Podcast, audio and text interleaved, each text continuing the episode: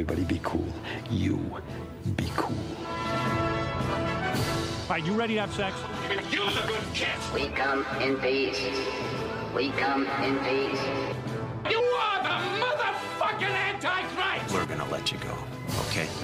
Ok. Film er best på radio. I'm gonna make him an offer he can't refuse. Nova Noir.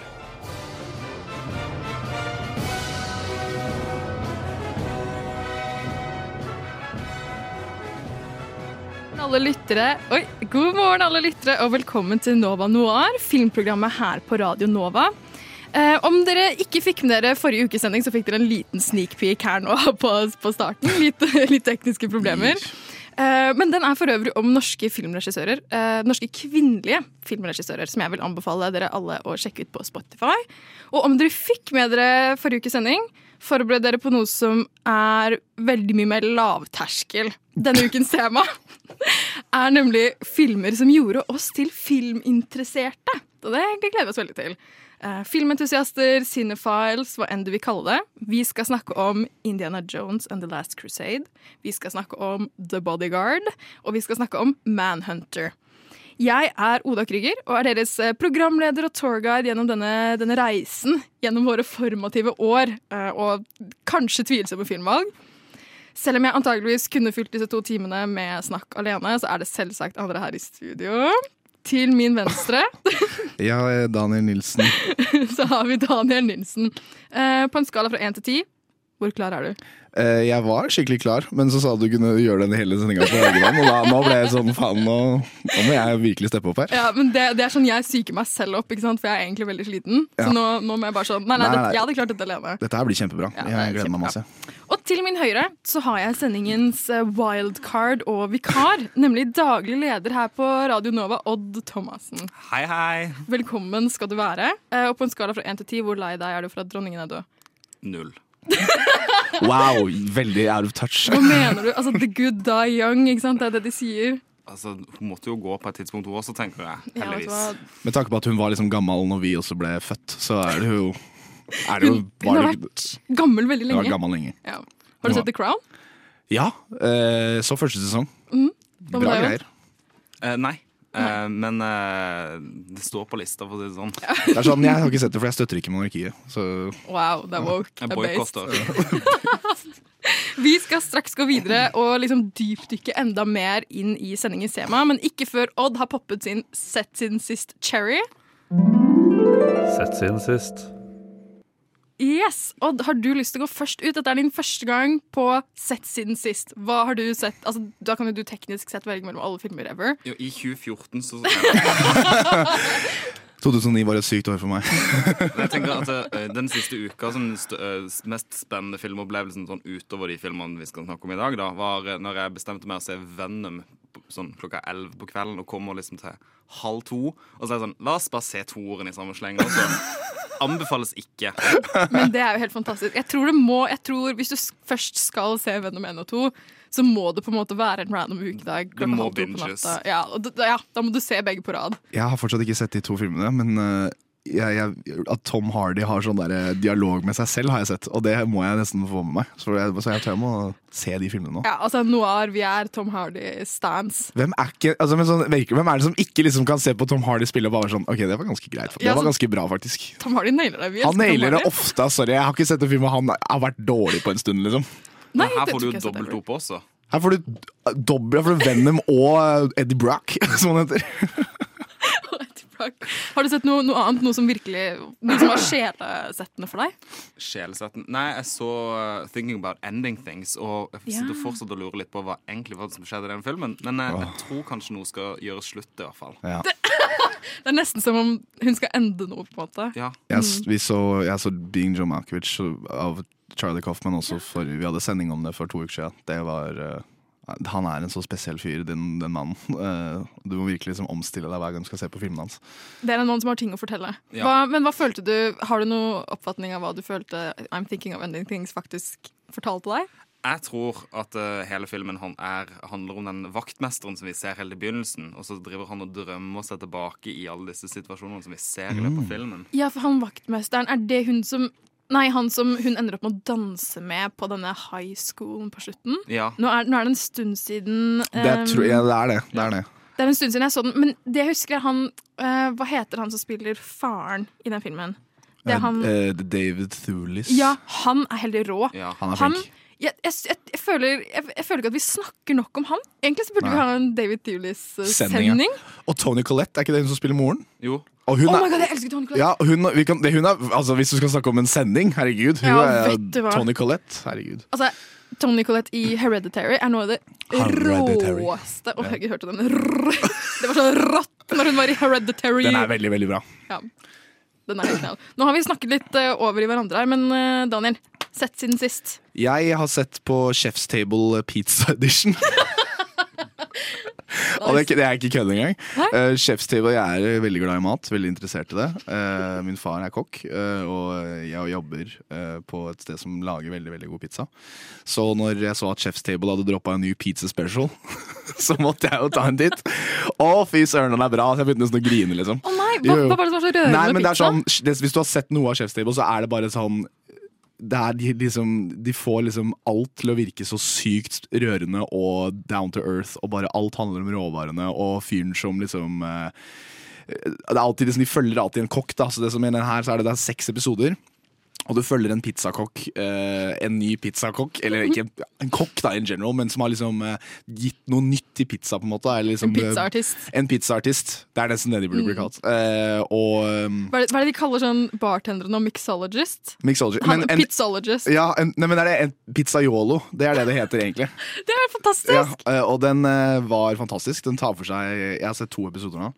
Og uh, anbefales veldig. Hvis du liksom liker pizza, så kan du bare få så mye mer ut av hva eh, altså wondersen av pizza. Det er liksom, og det er alltid sånn Det er en italiensk kokk som sier sånn Egentlig så hater jeg pizza. Ikke sant? Så er det sånn, Selvfølgelig gjør du det. Det er derfor du lager det. Ikke sant? Sånn der, jeg bruker bare pizza som et kommunikasjonsmiddel. Så Noen ganger så blir det litt pretensiøst, men hvis du liksom er matinteressert, så er jeg bare sånn Når jeg sitter der og er i det humøret, så er jeg sånn fy faen, altså, jeg er så jævlig enig i alt du sier akkurat nå. Men jeg vil heller ta imot en pizza fra en person som, som tar pizza på alvor, Ja, ja. enn å ta imot pizza fra en person som ikke tar pizza på alvor.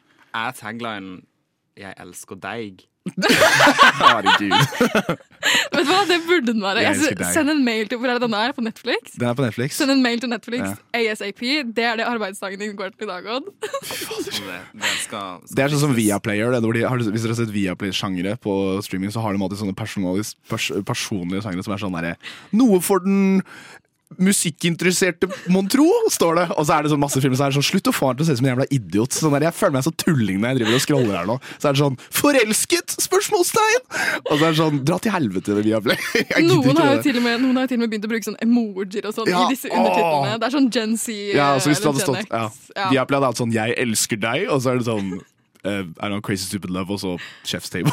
da. Jeg har heldigvis unngått noen, sånne, noen av disse fallgruvene, fordi jeg har bare sett opp igjen filmer i det siste. Og jeg har bare sett opp igjen filmer som jeg vet jeg elsker. Så jeg så nylig opp igjen Asandi av Denis Villeneuve. Oh. Den filmen er så bra og så hjerteknusende, og hver gang jeg ser den, så blir jeg på en måte Den liksom river sjela mi i stykker hver gang jeg ser den. Har du sett den, Odd? Nei, det har jeg faktisk ikke. Den må du se. Det er hjemmelekse. Ja. Etter at du har sendt mail til Viaplay og Netflix om jeg elsker deg, så må du se Asandi. Den er helt rå. Apropos filmer som ehm, eh, formet, ikke formet, men var med på å gjøre meg filminteressert. Det var definitivt en av dem. Altså. Mm. Den, den er fantastisk. det er jo eh, Denis Villeneuve. ja, en av Denis Villeneuves. Jeg tror jeg vil si at det er hans beste. Ja. Jeg husker veldig den som en sånn episk film Når jeg så den første gang. Så den er litt sånn som Dune, da. Har du sett Dune? Har du sett Dune? Uh, Den er akkurat sånn. Ja. Bare ikke det. Episk. Episk. Det er liksom litt sånn, det er litt sånn vast grand scale. Nøyaktig. Og så har jeg også sett opp igjen uh, The Mayor Ritz Stories, som jeg også syns er en Ja. fantastisk film. Den burde dere se. Det er, jeg syns Adam Sandler er bedre i den enn det han er i, i Uncut Gems. Det mener jeg. Vi snakket jo om Uncut Gems eh, for to da, uker siden. Mm. Og da snakka vi om at eh, den eneste fyren som faktisk spiller i Uncut Gems, er Adam Sandler. Og resten av filmen er bare me uh, ekte mennesker, Ja, fordi det det er er, folk som de bare har typecasta Hele New York er ekte, og så er det bare Adam Sandler som går rundt og er bare så Hei, jeg må ikke ned Ja, sånn. Og er bare sånn Hele tida. Adam Sandler, Jeg gleder meg til å se masse mer av Adam Sandler. Men det var en ting jeg glemte å si i stad. Det er selvsagt på teknikk. Så har vi Nore. Jeg glemte helt å introdusere deg. Hei, Nore. Vil du skrike hei? Nei, det vil hun ikke, men hun er skikkelig glad for å være her og hun elsker å henge med oss. Um, nå skal vi høre på litt musikk før vi uh, dykker inn i temaet. Vi skal høre 'Punken er død' og 'Hudkreft drepte dem'. Du Du Du hø hø hører på. på Radio Nova. Yes, det var 'Punken er død og hudkreft drepte den' av hudkreft. Så nå skal vi, nå skal vi kjøre litt mer intro av temaet, litt mer dypdykk. I dag skal vi snakke om filmer som har gjort oss filminteresserte eller til filmentusiaster. Eller filmer som har formet oss på forskjellige måter. Vi skal gå inn i de spesifikke filmene etterpå, men først så er jeg interessert i Jeg ga dere en liten hjemmelekse på forhånd som er ehm, si topp tre eller topp fem filmer generelt som du har lyst til å nevne, og hvorfor akkurat disse filmene har formet deg. Dette er bare en litt sånn warm-up for, eh, for våre lyttere der ute. Daniel, you go. Altså, jeg tenkte sånn Siden filmen jeg skal snakke litt om senere, er liksom mer sånn filmen som forma meg da jeg var litt yngre, så jeg tenkte jeg å ta med egentlig de filmene som forma meg når jeg ble litt eldre. Da, så når jeg ble veldig filminteressert og bestemte meg for å begynne å prøve å lage film. og sånn Så da tok jeg med Når jeg ser på lista nå, så hadde jeg vært, hvis jeg hadde hørt noen si det, så hadde jeg vært sånn ah, OK, ja, greit. Whatever. Nei, Så er det sånn- så- fordi det er pretensiøst? Nei, det er ikke pretensiøst, mer som at det er bare sånn Har du sett den, eller? Det er syk, ass! Eller okay, sånn, Okay. ja, så det er litt Nei, ikke så ja, ok. Det er Bronson. eh, Bronson av Niklas Winning Reffen. Mm. Det var den første filmen eh, Det er jo Den er med Tom Hardy! Det hadde jeg glemt! Det, det er sykt! Han er så bra i den filmen. Eh, det var sånn eh, Jeg trodde det skulle være en sånn tøff eh, biopic, bare. Men så ble, var det en Den er kjempespesiell. Og det handler jo om han Charles Bronson, som han kalte seg selv. eh, som var liksom, er ansett til å være Storbritannias mest voldelige fange noensinne. Så det tar liksom for seg hele livet hans, da, og den er veldig veldig spesielt lagd. Har et sånt rart eh, fourth wall break-perspektiv av han hovedrollen og sånn. Um, og når jeg så den, så var jeg sånn det, Da fikk jeg et helt annet um, blikk i hva film kunne være. da, på en måte. Det var den første gangen jeg så noe veldig, litt mer alternativt. Jeg må bare si, jeg husker én scene fra Bronson. Eller jeg husker, jeg husker små glimt fra Mm. Det er én scene jeg husker veldig godt, og det er når han bæsjer i sin egen hånd. Eller er det en annen fange som gjør det? Jo, nei, nei, det det, det bæsjer- Ja, som bæsjer i hånda si. Ja, og- Eh, og- og smører seg selv inn. Har jeg, ja, og smører seg selv inn i det. Og det bildet har jeg veldig klart for meg den Ja. dag i dag. Og han er veldig voldelig. og Han liksom, den tar virkelig bare eh, film til et helt nytt nivå. Så da var jeg sånn 16 da jeg så den, og ble mm. bare sånn Å, fy faen! Uh, og så uh, har vi Taxi Driver. Eh, ja. Så dere skjønner hvor dette her kommer til å gå hen. Ja, ja. Taxi Driver, dere vet alle om den. Den er jo syk. Uh, Martin Scorsese. Å, byen er så fæl. og jeg er den gjør meg fæl. Uh, og så er det Blade Runner. Nye eller gamle? Den gamle.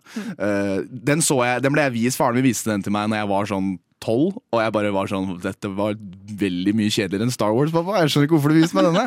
Uh, det var ikke noe gøy. Og så så jeg den seinere og bare ble sånn Ja, men egentlig, var egentlig ganske syk. Um, så, og så er det There Will Be Blood eh, med Daniel Day-Lewis. Eh, Du kommer jo ikke utenom Paul Thomas Anderson hvis du virkelig er en hvis du virkelig er en filmbro, så kan man ikke, ikke snakke om han. Så det sier jo seg selv. Den er bare helt syk. Og så til slutt så er det The Good, The Bad and The Ugly. Som er en fantastisk western og bare en filmskole i seg selv. Ja, så, nailed it. men alt er liksom veldig sånn filmskolefilm. Veldig sånn Ja, du har, du har toppa lista. Ja, det er sånn There's five films you need to watch, ikke sant? Så, Det er en pensum for et av fagene, liksom. ja, så, men de er alle veldig formende for meg, i hvert fall. Mm. Eh, også den neste jeg skal snakke om senere, det er litt mer sånn hva jeg virkelig som, Fra starten av, da. Yes. OK, Odd.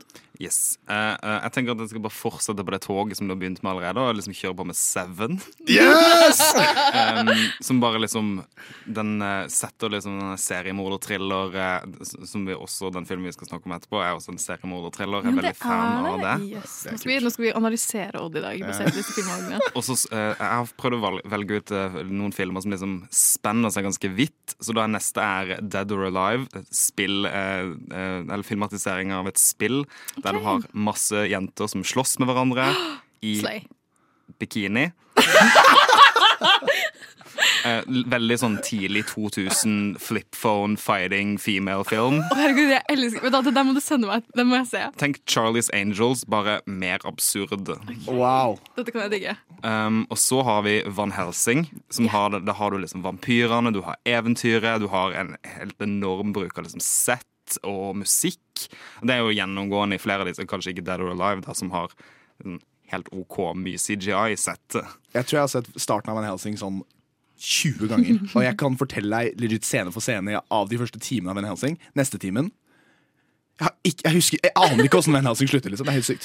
Det er masse fighting Ja. i et slott, Men- og så er det mye babyer. Sånn, Van, Van Helsing, det husker jeg også Pappa og broren min så på sånn Den så de opptil flere ganger. Ja, ja. Altså, den var, så Van Helsing det er en sånn for barndomsfilm for oss alle. Ja. Og så var er den siste jeg hadde funnet fram, det var jo selvfølgelig Dracula. Coppolas Dracula. Som bare Hele den filmen viser hvor mye man kan gjøre med praktiske effekter, lys, skygge og ikke minst matte paintings. Ikke minst. Matte paintings, altså. Men dette er veldig fint. Ok, men dette er også noe vi kan ta med oss videre i sendingen. Sånn, nå forstår vi Odd litt mer. Eh, vi forstår Daniel litt mer. Han er filmbro. Men Eh, mine men mine, har, mine er, er litt sporadiske. Fordi en eh, OK, eh, nå alle sammen, følg med. Dette er mitt semesters første name-drop av Jack Nicholson. Alle vet at jeg elsker Jack Nicholson. Alle som har snakket med meg i mer enn fem minutter, vet at han er my one, my only, my true love. Oh. Så den første filmen jeg har skrevet her, er selvsagt Gjøkeredet. Det var en sånn film som, som Det var første gangen jeg så en film, og jeg følte den før jeg forsto den. For jeg var egentlig litt for ung til å forstå dybden av den, men jeg følte den så sterkt, og den satte et ordentlig eh, sånn emosjonelt inntrykk i meg. Eh, så det var veldig det, det var et stort øyeblikk for meg. Og den andre, nå, nå går jeg inn i filmbro-fellen, som er, det er Gudfaren.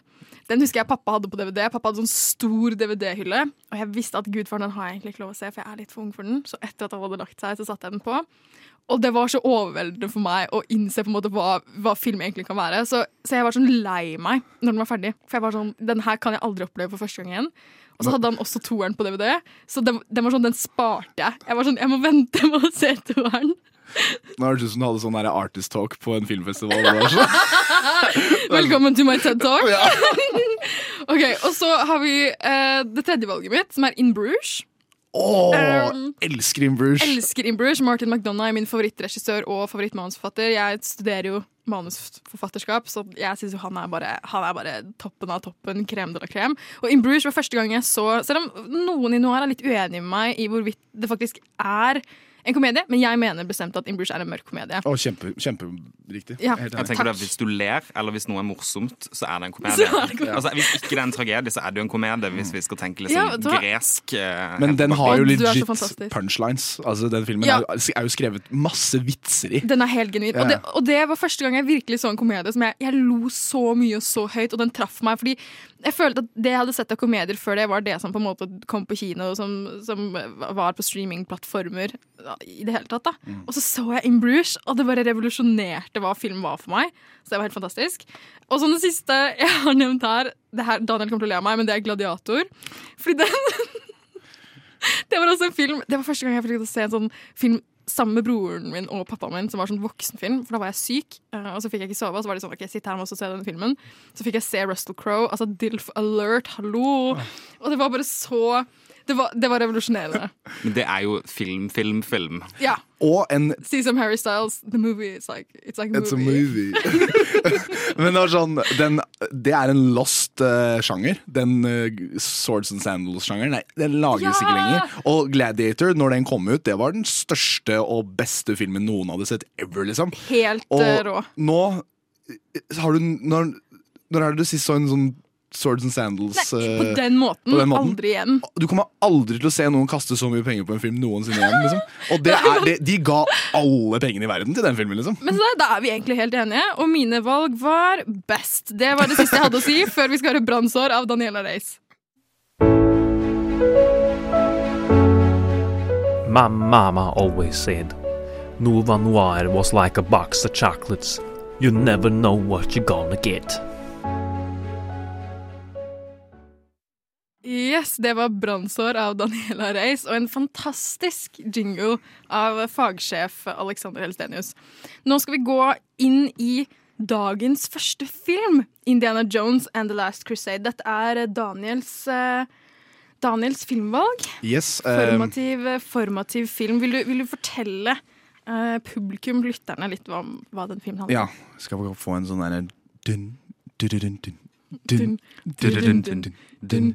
Så uh, Indiana Jones 3, Last Crusade, tar jo plass uh, når Når, når Harrison Ford, altså Henry Jones jr., finner ut at faren hans har forsvunnet, og det blir en lang jakt på å finne ut hvor han er. Så han reiser gjennom hele Europa og rett og slett uncover noen nye nazihemmeligheter på veien. da Det er naziene er effektive, effektive skurker. og finner ut at de jakter etter den hellige gral. Uh, og uh, The Eternal Life, sånn som uh, Sean Connery sier. og Sean Connery har da jaktet på denne filmen i ganske mange, Ja, han har jaktet på denne ganske filmen. mange år. Så ja, han er, han er med. Eh, det er egentlig det. Eh, Ja, ok, Så her er, her er dagens utfordring. Da. Det er at Vi har glemt å fikse uh, trailere. Så nå, nå, nå skal Daniel improvisere en trailer. Hva, vil du ha en dun-dun-dun-dun i bakgrunnen? Ja. Ok, Du får ca. ti sekunder på deg. Én, to, tre. Dun. In a world where Harrison Ford and Sean Connery has to fight for grails, they find Nazism. Det er det. Det var faktisk kjempebra. Ja. Jeg syns vi burde fortsette med trailere på denne måten i stedet. Det, det var skikkelig bra. Jeg føler at vi kjenner hverandre litt bedre nå også. Det var, Ja. veldig, det var veldig fint. Jeg føler også a cappella-gruppe kan være liksom Ja, ja, hvis ikke dette funker. Kanskje vi skal starte et nytt program, program som heter Nova A cappella. Acapella Kanskje Acapella Nova. vi ikke skal gjøre det. Kanskje vi ikke skal gjøre det. Det er jo også på en måte et alternativ. Så da er mitt spørsmål. Hvor gammel var du første gang du så denne filmen? Forklar hvorfor denne var så formativ for deg. Jeg, altså alle, alle snakker om liksom, I dag så snakker vi om Indiana Jones uh, i voksen alder. Sant? Sier sånn og, um, Raiders of the Lost Ark er en eh, syk film. Ikke sant? Og jeg er enig, jeg er veldig glad i Raiders of the Lost Ark. Og så er det liksom Temple of Doom er uh, den Å, har du sett Temple of Doom? Eller den er så crazy, den er så out there. Og det skjønner jeg, for at det, den er også Den er, står helt for seg sjøl. Men den jeg så mest når jeg var kid, det var eh, den tredje.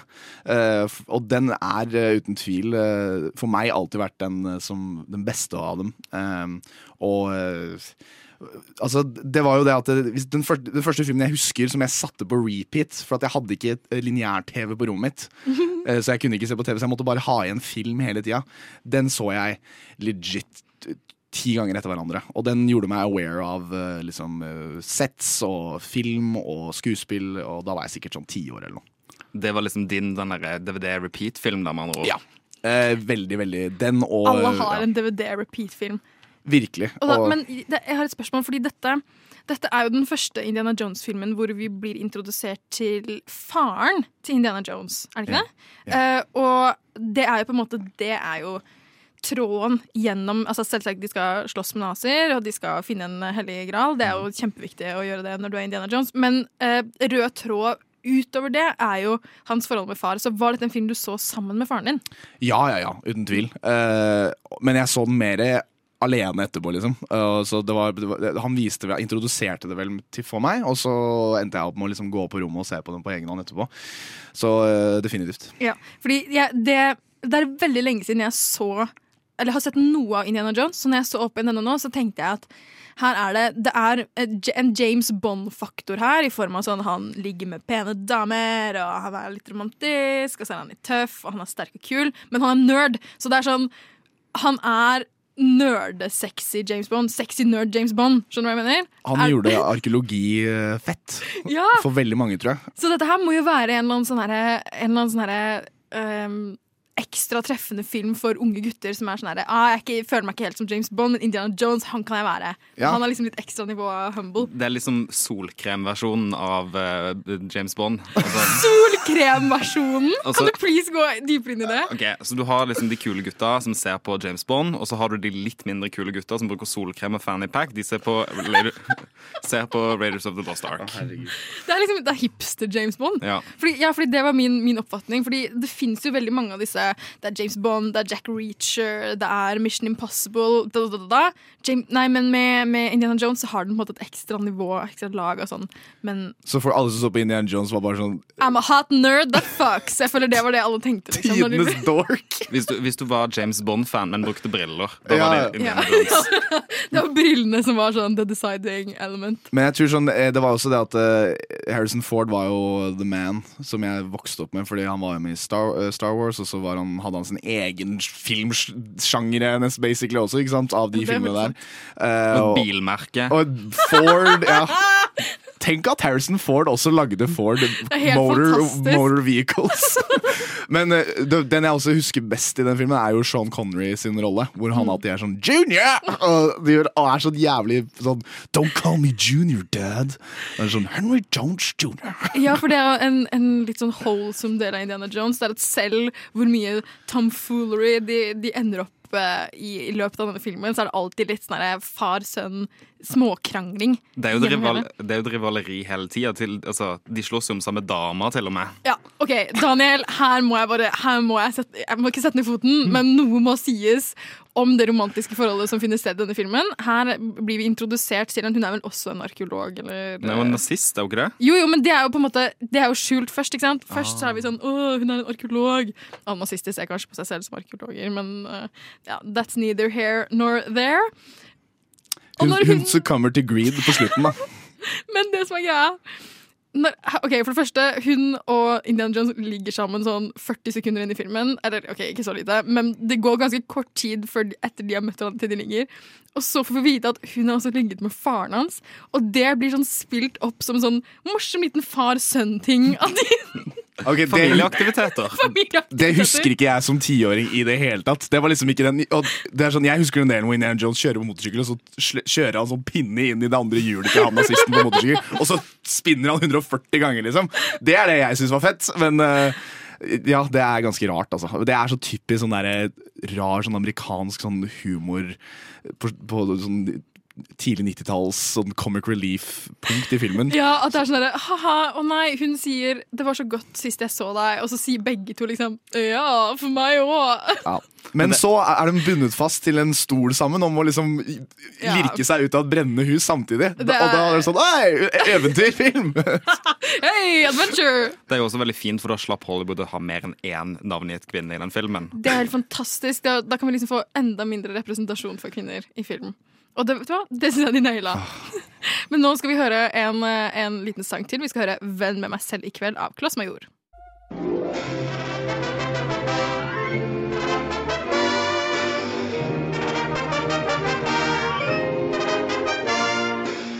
Du lytter til Nova Noir hver torsdag 10-12 eller på podkast når du vil.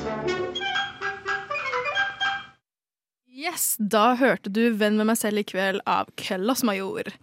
Nå skal vi gå litt, eh, litt mer inn i Indiana Jones, kanskje gå, gå mer på detaljnivå her. Dette er jo en, en Steven Spielberg-film, og mens jeg så den, så tenkte jeg dette er peak Steven Spielberg. Dette er jo så Det er family friendly, det er eh, morsomt, det er skummelt, det er masse spenning, og det som er skummelt, det blir ikke så skummelt at en liksom At en tolvåring ikke kan se denne med pappa og kose seg. Helt enig. Eh, det var nok det, det Det er jo ofte det de filmene starter som. At Steven Spielberg uh, Han bare perfeksjonerte den sjangeren til slutt. eh, spesielt på 80- og 90-tallet, syns jeg. Jeg syns liksom starten av den er den beste, den, der, den hele den der Venice-sekvensen. Når de først setter i gang, da er det jo bare en thrill ride fra start til slutt. da Fortell litt om den sekvensen. Den sekvensen hvor disse mm, eh, beskytterne av Gralen skal på en måte ta eh, Indiana Jones. Og eh, de setter seg på sånne Ven- Ven- Venice-båter, og det kommer til slutt en sånn svær propell som begynner å spise opp båten deres, og så er det en sånn slåssescene mens den Altså, det blir jo ikke mer spennende enn det. Det er sånn, De står på vann. Eh, Det er en propell som ødelegger båten, så den blir liksom sakte, men sikkert spist opp. Og de slåss mens alt dette skjer, da. Fantastisk. Det er, det er vakkert. Det er super Spielberg. Og det jeg også tenkte på når jeg så den, er hvor mye Fordi den er så eh, gjennomført i sin stil og sin tone at de, du kommer unna med så mye tull. Det er en, det er en scene hvor For først så ser vi Indiana Jones som barn, eh, hvor han prøver å stjele et eller annet sånt her kors. Og så eh, kutter det til når Indiana Jones er voksen og han prøver å stjele samme kors igjen, og så blir han stoppet av samme person, og da sier han mannen eh, It's a small world, Dr. Jones. Og så ser, ser Harrison Ford tilbake på og sier 'too small for the two of us'. I sånn dønn seriøst. Det skal være kjempeseriøst øyeblikk. De står i regn og sånn. Og så tenker jeg det er, litt, det er jo egentlig veldig fint at denne filmen kommer unna med sånn type dialog, og at vi syns det er dritfett, bare fordi stilen er så, så gjennomført da, Ja. gjennom hele. Det er jeg helt enig i. Eh, den, den er jo den er liksom litt slapstickete, eh, og har litt eh, sånne ikke helt redeeming moments sånn dialogmessig. Men sånn musikken er John Williams. Ja, musikken, er, musikken er knallbra. Det. Regien er uh, Steven Spielberg. Hovedrollen er Harrison Ford. Den andre hovedrollen er Sean Connery. Altså Sean. Sean Connery. Sean Connery. Det, da, altså det, det bare legges opp til at du kommer til å I hvert fall på tidlig uh, 90-tallet så var dette her en uh, home run, vil jeg si. Ja, det her var jo full pakke. Og det er jo gullstandarden på glimt i øyet, rett og slett. Ja, ja. det at de kan ha alle disse helt sinnssyke scenene, og så bare liksom. Ja, altså, altså, vi spiser det opp, vi digger det jo. Det er, også, det er også en scene hvor vi tror at Indiana Jones har dødd. Vi tenker at nå har det gått galt, men så kommer han, eh, så kommer han opp igjen fra Det vi tror er at han har krasjet ned fra et fjell i en bil. Um, men så viser det seg at det har han jo ikke, så han kommer klatrende opp igjen, men uten sin, uten sin standard Indiana Jones-hatt. Og så blir alle kjempeglade fordi Indiana Jones lever fortsatt, og så sitter han der og liksom tenker på hatten sin, og så bare kommer det et vindpust, og så bare blåser hatten inn i frame, selv om bilen hans akkurat har kjørt nedfor et fjell. Og jeg vet hva, jeg sitter her og var sånn herre Det er helt fantastisk. Dette er kunst. Dette er fantastisk. Jeg elsker det. En annen sånn segment er jo omtrent i midten av filmen, når de eh, er fanga av nazistene, han og faren. Og så klarer de å finne de en sånn vegg som snurrer rundt inn i et annet rom. Og så, ja. så bra. og så, og så, og så på andre sida av det rommet så sitter det 40 nazister og jobber med et eller annet sånn teknologigreier. Og så snurrer de sånn rundt tre-fire ganger. eh, Og så, det blir bare så dumt. Det blir så understrekt. Jeg, En, en ting jeg må si, er hvor sykt er det ikke å tenke på at dette er samme regissør som har lagd Schindlers liste? å, ikke, ikke gjør det, da! Nei, men bare sånn, Hvis du tenker på Er det samme univers? Alt, alt er samme cinematiske univers. Altså, Indiana, Indiana Jones, Indiana Jones, Jaws og Schindlers liste er som det er multiverse. Ja. Det var multiverse før Marvel. Det originale multiverset. Ja. 100%. Men jeg bare tenkte på det som disse nazistene Fordi nazister er jo liksom populære Jeg holdt på å si populære skurker i film. Altså, hvert hvert fall amerikanerne elsker å gjøre nazistene til skurker. Det er også i James Bond for øvrig. Og da bare, da, når jeg så, For disse her var jo borderline parodier på nazister. ikke sant? De 'Everyone has a uh, German accent' og løper rundt og liksom hurlumheier. Og når, du, når jeg da begynte liksom å, å faktisk tenke på at dette er samme person som har lagd Schindlers liste, en film med så mye dybde og følelse Altså Han skal jo ha for at han er Han, han kan alt. Han Ja, ja. mestret filmkunsten. Herregud, altså, han er den mest versatile regissøren jeg kommer på. liksom altså, Han har laget så mye dumme filmer, og så mange sånne hvor vi er sånn applauderer i ti minutter på festivaler, liksom. Eh, han, eh, han er en Han skulle jo lage den siste Det kommer jo en ny Indiana Jones-film. Det er kanskje verdt å bare ta, nevne nå. nå Ja, Neste år så kommer det en, den siste Indiana Jones-filmen. Harrison Ford er 80 år gammel Ja. og skal spille, har spilt, han, han har spilt han igjen, ass. Ja, de må, de må kjøpe seg. Og det ble avslørt da at det var ikke Steven Spielberg som skulle regissere. Og det her blir da den eneste Indiana Jones-filmen han ikke har regissert. Så det er han eh, James Mangold som regisserer den. Det lover jo veldig godt. Med tanke på at, det er eh, litt sassy i dag. med tanke på at Crystal Skull ikke var sånn en home run. Ja, det er eh, sant. Det er veldig mange av disse legacy-filmene som jeg bare syns bare krasjer. Ja, det er jeg helt enig. Altså Bare la gull være gull, og så lar vi det ligge i fortida. det er Og så lager vi nytt, satser på det istedenfor. Men Ja. Phoebe Waller-Bridge er med i den. da Det er kult. Ja. Det kan bli kult. Hun er liksom co-star med Indiana Jones. Jeg vet ikke helt hva de skal gjøre med den, men det blir spennende. Hun Det- skal sikkert se mye rett i kamera. ja. Hele, Hun skal ha sånn derre Is that a sexy priest? oh my god, is that. Harrison Ford? Harrison Ford! Seriøsa! Men OK, et, et spørsmål jeg har et siste spørsmål om Indiana Jones før vi skal gå videre um, og svømme litt i The Bodyguard. Og det er hvordan var det å se den opp igjen nå? Veldig gøy. Den eh, holder, eh, holder standard for meg for all time. Altså. Eh, og det er fordi at det, jeg har, det, er når de der De fem-seks virkemidlene kommer sammen med John Williams, Steven Spielberg, arkeologi, na nazister Så det, er- det, bare, det, det kommer aldri til å Det ager som fine wine for meg, altså. Ja. Selv om ikke alt er aga like bra. Så nostalgia har en farlig stor virkning på det. Og det det er også den som jeg syns er den mest underholdende av de filmene. Uh, bare sånn rent Jeg syns uh, um, Raiders er veldig, veldig bra har veldig bra første og andre akt, men jeg syns den tredje akten er veldig sånn merkelig. Jeg syns Temple of Doom er veldig outrageous, og den må du liksom bare omstille deg om helt fra den begynner. Mens den her syns jeg fungerer som en Den her har faktisk en ganske spennende tredje akt, med at Indian Jones skal gjennom de derre trialsene of God. Mine, jeg skal gjennom The Trials of God. Ja, hvor han er sånn uh, Jehovah.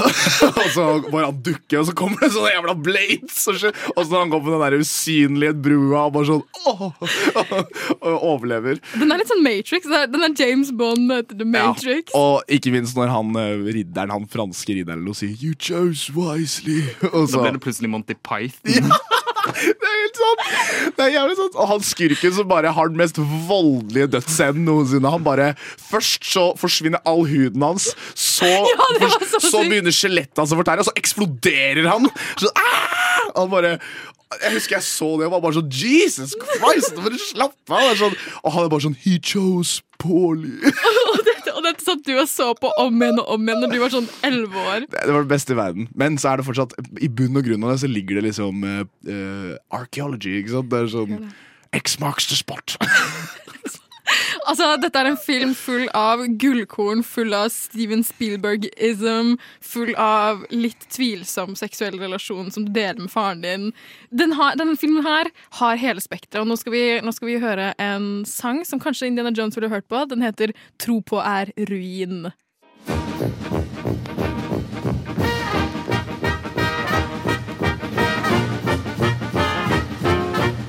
Og jeg har lidd av Ja, først har jeg operert for nyresten, gallesten og blindtarm i buken og svulst i underlivet.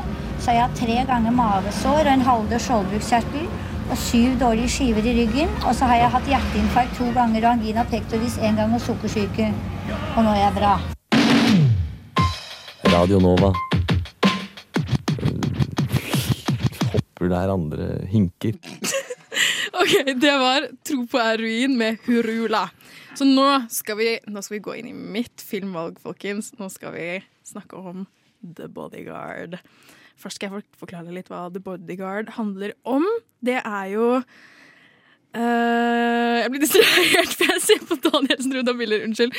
Um, The Bodyguard det er, kan man kalle det en musikal. Den har, den har mange musikalske elementer. Det er med Whitney Houston i hovedrollen. Hun spiller superstjerne, eh, superstjerne, skuespillerinne, eh, stor musikkartist. Eh, og så begynner hun å få noen trusler fra, en ukjent, fra ukjent hold.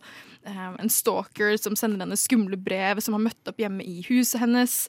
Um, så eh, crewet, eller teamet hennes, ser ikke noen annen utvei enn å skaffe en bodyguard til henne. Og bodyguarden spilles av The One, The Only Kevin Costner. Han er en tidligere Secret Service-agent da, i denne filmen. Og så kommer han for å passe på henne. Og der, Det blir litt sånn intriger, det blir litt kjærlighet. Og etter hvert så får vi finne ut at grunnen til at Fordi hun veldig, hun viser mye motstand i starten. Hun er trassig og, og viser motvilje mot, uh, mot at Kevin skal være hjemme hos henne og passe på henne. Men så viser det seg jo at det er fordi hun har ikke blitt fortalt detaljene av farene som egentlig er ute etter henne, av, av crewet hennes. Um, dette er da mitt valg for, for formativ film, og vi har heller ikke noe trailer her, for det har vi glemt å fikse, så hvis dere vil gi meg en bakgrunnsmelodi, så kan jeg bare gi et par stikkord. Vil dere ja. I can't protect you like this. Rachel.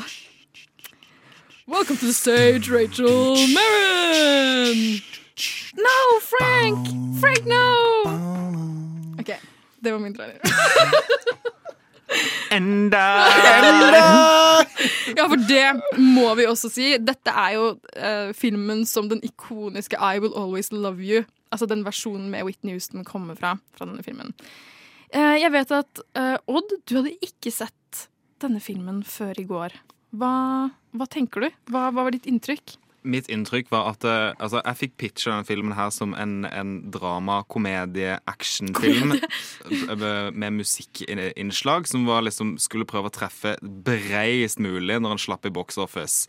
Eh, og det syns jeg eh, for så vidt altså, Det er noe der for, uh, for liksom alle, rett og slett. Mm. Hvis du er gira på action, så får du actionsekvenser. Hvis du er gira på liksom sånn klissete romantikk, så er det masse av det også. Og hvis du bare har lyst til å se på en liksom deilig Kevin Costner, så får du det også i to timer og 14 Ja, 14 Kevin Costner minutter. er så deilig i denne filmen. Så jeg er veldig fornøyd. Spesielt slutten syns jeg var bare wow. Og den kommer vi til. Og ja, vi kan jo si det nå, dere har sikkert skjønt allerede. Det kommer spoilere her. Det finnes Ingen av disse filmene her er eh, nyere enn 30 år gamle. Så det kommer til å komme spoilere. Kevin Costner er jo Mr. 90s for meg. Altså, han er alt å finne, liksom. Han spilte Robin Hood. Han var i Bodyguard. Han var med i Waterworld. Oh my god, Waterworld! Altså, denne fyren her bare gjorde ikke Han var med i Ken JFK. Du, det er en dritbra film. Kjempefett film. Eh, han, uh, han altså, det var, også, det var 80-tallet, men Untouchables! Mm. Altså, herregud. Uh, jeg elsker Kevin Costner. Hadde, hadde du sett The Bodyguard før? Jeg hadde sett den én gang før, eh, men det var veldig lenge siden. Hvordan Så- var det å se den opp igjen nå? Jeg koste meg veldig mye. Ja. Uh, jeg hadde Jeg innså Den er ganske data. Uh, sånn jeg hadde Nei, men sånn, jeg, altså, sånn, sånn Den er så 90-talls, da. Ja, Og Whitney Houston. Men for en fantastisk performance. Herregud. Jeg hadde ikke Jeg glemte jeg glemt hvor eh, For jeg tror ikke jeg visste hvem Whitney Houston var Når jeg så den for første gang. Så jeg, jeg, var, jeg, tror jeg, var, sånn- jeg tror var sånn 12-13 eller noe. Da tror jeg ikke jeg hadde noe særlig forhold til henne. Eh, så nå, å se den nå og tenke på det, det var eh, ganske utrolig, egentlig. For det var jo noe av det som virkelig traff meg da jeg først så denne filmen. Jeg så denne filmen da var jeg vel kanskje ni-ti år gammel. da. Den husker jeg, den fikk jeg faktisk på DVD av pappa. Uh, og det her var min DVD-film som jeg så på repeat. Jeg husker en gang vi kjørte til Sverige. Vi skulle til Sverige på ferie. Da hadde vi en sånn liten DVD-spiller på Du vet når du sitter i baksetet på bilen med mamma og pappa, og når det, når det ble sånn at du kunne ha en liten DVD-spiller på på eh, eh, hva heter det, hodestøtten til setet foran deg. Så husker jeg at jeg så The Bodyguard eh, på hodestøtten. Og så var jeg ferdig, og så var jeg sånn Jeg ser den igjen, jeg. Eh, fordi vi skulle jo kjøre så lenge uansett. Og den eh, filmen åpnet for det første døra til Whitney Houston-musikk. Jeg er jo til en dag i dag elsker Whitney Houston. Jeg syns at hun gjør en genuint god rolle i denne filmen. Eh, og også Kevin Costner. Det er en vakker mann. Jeg vil bare skyte inn Hvis vi skal snakke om eh, hodestøttefilmer som vi vokste opp med, så Ja. var det Alien vs. Predator og Independence Day. Men ellers, bare fortsett. Sorry. Det er bra, skyt inn. Vi vil, vi vil ha alt av content. Da kan jeg jo legge til at min var liksom Grease. Men hode, hodestøttefilmer er en ekte ting. Altså, den der du så på ja. hodet, er veldig gøy. Er veldig gøy at du Hode- nevnte det. Kanskje det, det burde være vår neste sending. Hodestøttefilmer. Nei, eh, ved Bodyguard, ja. Eh, jeg uh, husker den der siste sekvensen når eh, Kevin Costner tar kula, liksom. Mm. Jesus Christ. Ja, og det, vet du hva? Jeg, når jeg så denne filmen opp igjen nå Jeg, må, jeg, jeg bare sier det rett ut. Jeg, jeg syns den holder seg godt. Jeg synes den holder seg dritbra Og det her er noe jeg også har lyst til å snakke litt om når vi, når vi går videre til Manhunter. Fordi det er noe med sent 80-tall, tidlig 90-tallsfilmer som treffer meg liksom Som bare treffer meg helt riktig. Og jeg tror noe av det er at eh, veldig mange shots får lov til å stå mye lenger enn det jeg eh, oppfatter at de får lov til å gjøre i flere moderne filmer. Sånn, I en moderne romantisk komedie mellom en eller romantisk drama, thriller, mellom en eh, eh, sangerinne og skuespiller og en bodyguard, så føler jeg det ville vært mye mer kutting, og de ville liksom eh, på en måte lagd mye mer sånn falsk drama for å få opp spenningen. Men her får for det er mange lange shots som får stå i seg selv, som ikke nødvendigvis trenger å zoome inn på én svettedråpe som renner ned pannen til Kevin Costner fordi han er så nervøs fordi hva hvis det er en morder bak hjørnet. Og da syns jeg også at eh, prestasjonene skinner veldig. De får lov til å skinne, de får lov til å stå for seg selv og snakke for seg selv. Eh, Odd, får Ja, si. Ja. Og så er det liksom Du har jo I tillegg til alt det du sier, så er det jo også det er musikkinnslag her. Så du Ah. kan bruke musikken som dialog, på en måte, eller som et fortellingsverktøy. Og da kan du bare ha disse scenene som man ser på. Og karakteren til Kevin Costner er jo veldig stoisk. Og være, altså, han er en mann av få ord, kan man jo si. Og da er det jo også veldig fint at man klarer å fortelle det gjennom filmen, bare liksom disse shotsene. Eh, Han- ser jo helt nydelig ut. Han har jo det der gazet, det derre Male gaze, holdt jeg på å si, men eh, han har det derre der, Han sier mye med øynene sine, da. Veldig. Kevin Costner. Han er veldig er, men så har han jo Han spiller jo også litt den derre bøffe, store, inarticulate mannen som må vise ting med handlinger og ikke sånn Men samtidig da, så syns jeg at det funker, fordi den har et element av show don't tell av det. Fordi Ja. Vi får jo vite at han har en fortid fordi han pleide å være Secret Service-agent eh, for flere forskjellige presidenter, og for Reagan, men Reagan ble jo skutt, og han har masse skyldfølelse for det fordi han var ikke til stede da Reagan ble skutt. Så gjennom hele filmen så prøver han, han Jeg føler at han prøver å være stoisk. Han sier sånn nei, jeg holder meg ikke for lenge på på én klient, fordi det gjør, sånn gjør ikke jeg. Hva, hva han sier? Beina mine sovner hvis jeg står for stille, ja, stille for lenge på ett sted. Men så kommer det jo frem etter hvert at det han egentlig er redd for Dette kommer hjem, kommer hjem Dette kommer gjennom i, i kontekst i form av eksposisjon. At han er egentlig redd for å miste kontrollen. Han er egentlig for redd for å bli for glad i. Og det som er så fett med det, er at Whitney Houston sin karakter, Rachel Maron, det er jo hennes problem også. Hun er for redd for å miste kontrollen. Det er derfor hun ikke vil la han være hjemme der og passe på henne. Det bare hørtes ut som at eh, han ble forelska i Ronald Reagan og ville ikke få attached. Og var sånn derre I don't get too attached to my clients. Og så er det sånn Hva for at Ronald Reagan var liksom karen din, liksom? Og så Altså, Ryktet sier at Ronald Reagan var kjempesjarmerende, så kanskje det er sånn Du skulle si han var kjempehomofil. eller? Nei, nei, altså jeg vet jo ikke noe om, om Ronald Reagans preferanser der, men, men jeg har jo hørt at han var veldig sjarmerende, så jeg kan jo se for meg en verden der Kevin Costner og Ronald Reagan faller for hverandre. på en måte Altså, Kevin Costner har jo en ekstremt sånn high by energy, vil jeg jo absolutt si. Liksom han, Den kjærlighetsrelasjonen til denne forferdelige presidenten som han ikke var til stede for. Og nå Og det- faller han for den her musikkdivaen som han egentlig ikke vil falle for, fordi han prøver å holde seg tilbake. Og det der fikk du rett fra tidligere leder i Skeiv Ungdom. Let's Eh. Odd, så dette var helt fantastisk. Og nå skal vi høre en sang som jeg tror beskriver Kevin Costner sin karakter perfekt. Det er 'Damaged Goods'. Nova Noir. Nova Noir.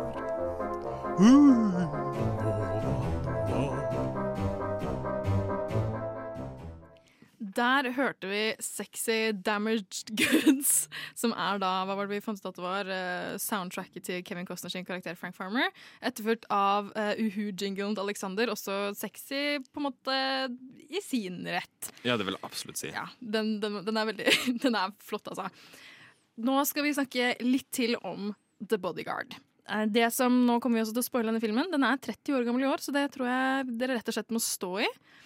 Um, I denne filmen så det er, det er en klassisk red herring her. Vi får lov til å se helt på starten av filmen en, um, en mystisk mann som lager lager eh, skumle trusselbrev eh, ved å klippe ut bokstaver fra aviser og sende trusselbrev da til, eh, til Rachel Maron. Altså da Whitney Houston sin karakter. Hun har jo en sang i denne filmen som for øvrig er en dritbra sang, som heter I Have Nothing. Um, og da skriver han i disse brevene You have everything and I have nothing. Og derfor må du dø, da. Det er på en måte trusselen. Så vi får se glimt av denne mannen i starten, og så skjønner vi etter hvert at ah, ah, dette er en red herring fordi personen som egentlig har leid en leiemorder for å ta henne, det er søsteren hennes! Dun, du, dun. Du, du, du, du. Ja, det er mye drama her. Altså. Her er det masse sjalusi helt fra, helt fra barndommen av. Um, Det er liksom, det er liksom Destiny's Child-intriger. Dette er egentlig biopicen til Destiny's Child, hvor Rachel Maron er hva da, Beyoncé, da. Selvsagt. Åpenbart. Hvem er søsteren, da? Er det Kelly Rowland? Nei. Jeg har ikke lyst til å si noe stygt om de andre Destiny's Child, Nei, så vi la oss bare legge Vi, vi legger den ballen død i respekt for Destiny's Child.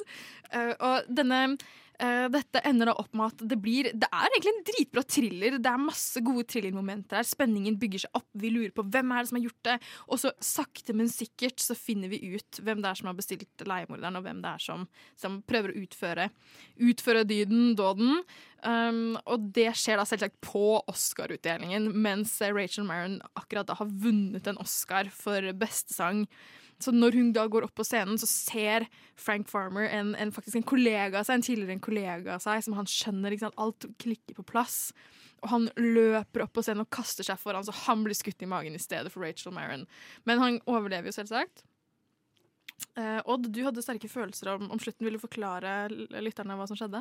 Ja, for det, eh, når jeg har da sett eh, to timer filmen Den filmen var vel i to timer et kvarter Så da tenker jeg, nå er filmen ferdig Og så får vi siste scene La meg sette scenen Det er liksom den flyplass Mm. eh, Familien til Rachel Mirren skal inn på dette flyet Men skal si da ha det til eh, bodyguarden da Frank Kevin Farmer. Ja, Frank Farmer Frank fått Farmer, ass. Ah, fantastisk. For et navn. Det er helt nydelig. King.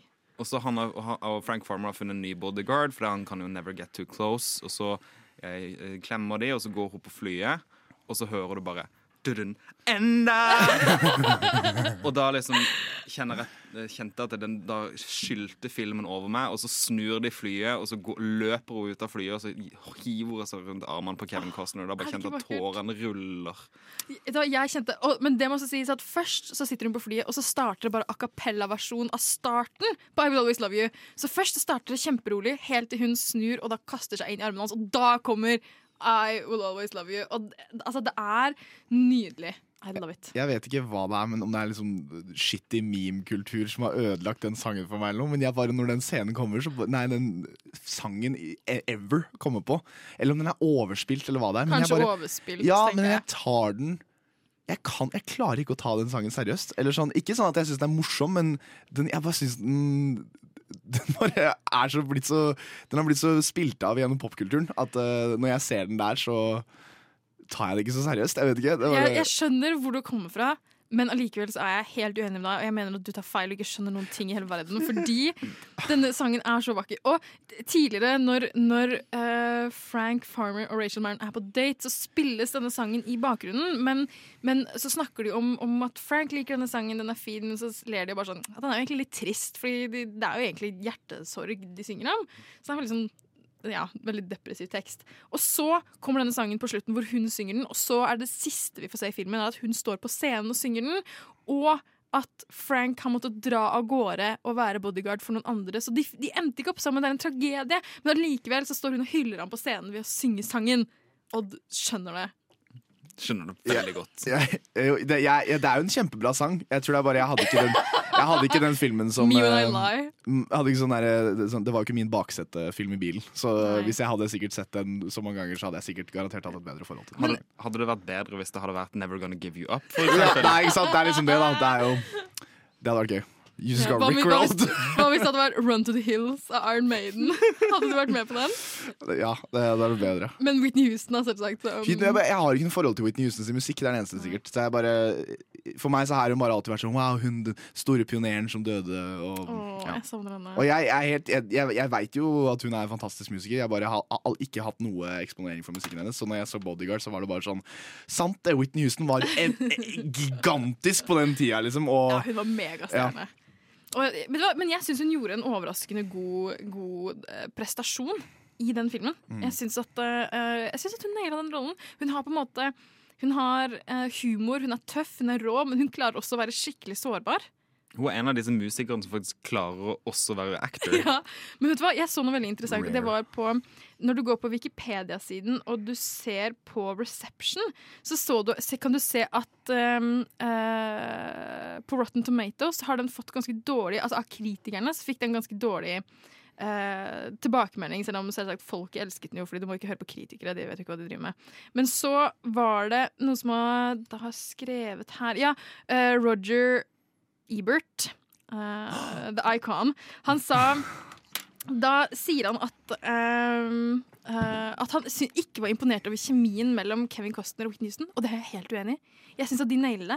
Men de nailer en sånn, en sånn kjemi som ikke nødvendigvis virker fake. Fordi det er ikke sånn at de plutselig først hater hverandre, og så bare plutselig så faller de for hverandre. Det er en sånn gradvis utvikling i dem begge, og det slår meg som en mye sånn, et mye mer sannsynlig scenario. En mye mer ehm, ekte form for kjærlighet. Den er veldig nedtona, og, og, og uh, Whitney Houston sin karakter går jo veldig i sirkler. og Liksom går frem og tilbake sånn Ja, selvfølgelig skal jeg høre på deg. Nei, jeg vil være meg sjøl. Liksom Har den kampen med seg selv Ja. for, og, og i tillegg. Og, og, og det er en ganske nedtona kjemi, det vil jeg si. Det er ikke veldig såpete i det hele tatt. Nei, nei, Det er ikke sånn at de bare kaster seg over hverandre og må ha sex hele tiden. men det funker. Det er veldig gøy å se sånn Roger Ebert-review som er eh, totalt skivebom. Eller sånn Ja. der, eh, det er veldig mange av dem. For at det er sånn Roger Ebert blir ansett som sånn greatest film critic of all time, og så har han liksom sånn Jurassic Park sucked! Og så er sånn, eller sånn, man så er sånn ah, Jeg gjorde den, Roger Ebert! Og så er sånn, ja. Så det, det er noen ting eh, Det er veldig gøy når jeg liksom Selvfølgelig likte ikke Roger Ebert Bodyguard. Og, for det, den, når den kom ut, så vil, visste jo ingen at den ville bli en sånn popkulturell klassiker, liksom. Men du, en ting som faktisk nesten provoserte meg mens vi satt og så på Eller vi, mens jeg Mens vi tre satt sammen og så på denne filmen, som vi ikke gjorde, det var at jeg tenkte at hvis han hadde blitt lagd i dag Og jeg veit at det har vært så mange sånn dumme cameos fra kjendiser for å få frem sånn Hollywood-kultur. Jeg vet at det hadde vært så irriterende å se den filmen om ble laget i dag. Hvem hadde blitt casta som Whitney Houston-karakter og uh, Kevin Costners karakter? Jeg tror kanskje eh, Ariana Grande. Ja, jeg tenkte akkurat det samme. Ja. Eller Lizzo. Lizzo? Nei, det tror jeg ikke. Det hadde vært Jeg tror, jeg tror ikke det hadde vært Lisso. Jeg tror de ville gått for sånn um, Jeg føler det hadde vært sånn Netflix-produsert. Ja, helt enig. Mm, Sånn mm, kjempeglossy. Ja, ja. Og kanskje sånn Harry Styles eller et eller annet, for nå driver de prøver å få han inn i, Jeg Once Movie. Kunne tenkt movie. meg han, eh, Det blir sikkert han eh, Jacob Elordi fra Oh my God, Euphoria. ja. Å, fy faen, du har så rett! Og Ariana Grande. Å, fy faen, det hadde styggeste Det er den mest Gen Z bodyguarden jeg kan tenke meg. Ja, Men hva med Harry Styles og Kevin Costner? det hadde, jeg- det hadde jeg elsket enda mer hvis Kevin Costner hadde vært popstjernen. Og Kevin Costner spiller seg selv, Ja. bare som skuespilleren. Det elsker jeg. Men uh, nå, altså jeg vil gjerne snakke om Kevin, Kevin Costner og The Bodyguard og Whitney Houston i mange dager, men nå må vi nesten høre en sang. Vi skal høre 'Drøm om deg' av Torleif Bratt Bravat Bratt. Du lytter til Nova Når. Ok, Denne gangen skal jeg klare å si artistnavnet. Det var 'Drøm om deg' med Torleif Brattval. Ok, Ok, Er alle med på det? Ja. det er bra. Nå skal vi snakke om oddsvalg, som er Manhunter. Regissert av Michael Mann, samme, samme person som har regissert annet Heat. Som filmfanatiker filmfanatikere der ute Jeg vil si at det kanskje er større sjanse for at de har sett den. Eh, jeg vedder på at det er en film Daniel liker. Heat. Har du sett den? Åh, Ja. elsker Ja, litt heat, ass. There you go. Love me some heat. Så Odd, vil du gi oss en liten recap? Hva handler Manhunter om? Ok, så Manhunter er jo da en, eh, den første filmadopsjonen av noe Hannibal-relatert whatsoever. Og de fleste har jo hørt om Hannibal enten i form av Nattsvermeren eller TV-serien eller noe annet. Men da eh, nå holdt jeg på å si Heat. Manhunter da er, det kom i 1986, rett etter boka kom ut, faktisk. For det er en bokadopsjon, og da følger vi Will Graham, som spilles av eh, William Peterson, tror jeg. Eh, som er da tidligere FBI-agent som har eh, trukket seg tilbake etter han har klart å fange Hannibal the Cannibal, og det gikk jo ikke så bra med han etterpå, eh, altså Will da etter den situasjonen.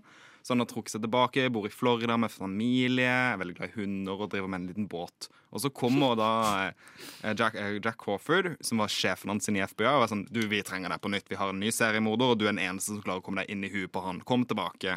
Og så sier kona til Will ikke gå, men du må. Og så går han, og så går du Plikten kaller. Ja, det går jo til helvete. Det kan jo ikke gjøre noe annet. Og dette er jo for øvrig også Det fins en annen eh, filmadaptasjon av denne boka. Red Dragon, er ikke det? Jo, for du har jo Denne filmen kom i 86, og Red Dragon ble laga rett etter eh, Eller et par år etter at Nattsvermeren ble så populær. For da putter man rett og slett det samme plottet eller den samme boka inn i liksom Nattsvermeren-universet. Så du kan se, Og den er veldig forskjellig fra Manhunter. Manhunter går veldig inn i hovedkarakteren Will, mens Red Dragon-filmen går mer inn i liksom seriemorderen sitt hode. Så Ja. du får liksom to forskjellige blikk på filmen. da Jeg må bare si med en gang Jeg syns eh, Manhunter var en sterkere film enn Red Dragon, og mye skumlere. Oh ja, mye skumlere. mye skumlere mye mer sånn. Men først, så vi har jo selvsagt ikke noe trailer her heller, men da må vi jo improvisere en. Det jo, har jo blitt liksom vår greie den denne sendingen. Hva slags backdrop vil du ha fra meg og Daniel? Jeg tenker liksom, Det er jo en veldig sånn 80-talls-vibe. Uh, sånn, sånn Will Graham is done being an FBI agent. Hannibal is taken, but he has to return. Det er så peak radio, det der. Det er Det er bare vi som er sånn Det er ASMR på, på formiddagen her. Det var en veldig bra trailer. Ti av ti. Naila. Ti av ti, nailed it. Så, eh, er dette en film du så da du var liten, eller var dette en film du så da du var stor. Um, altså, det, det, her, det her er den siste Det var den siste Hannibal-adopsjonen jeg så, så jeg vil si at jeg så den i relativt moderne tid. Men den encompasser liksom veldig mye av det som har vært interessen av film for meg. Det er en veldig dårlig setning. Eh, men Vi det, elsker dårlige setninger, og vi, vi ønsker dem velkommen her. og da vil jeg bare, jeg vil bare si et par ting om filmen. For det jeg syns er så ekstremt Filmen varer i 120 minutter blank. Og det er en veldig sånn intern følelsesmessig film. Bruker veldig mye bilder. Akkurat samme som Bodyguard. Holder shotsene veldig lenge. Det er veldig moody musikk. Og det får han til fordi at hele filmens premiss blir satt opp på to scener.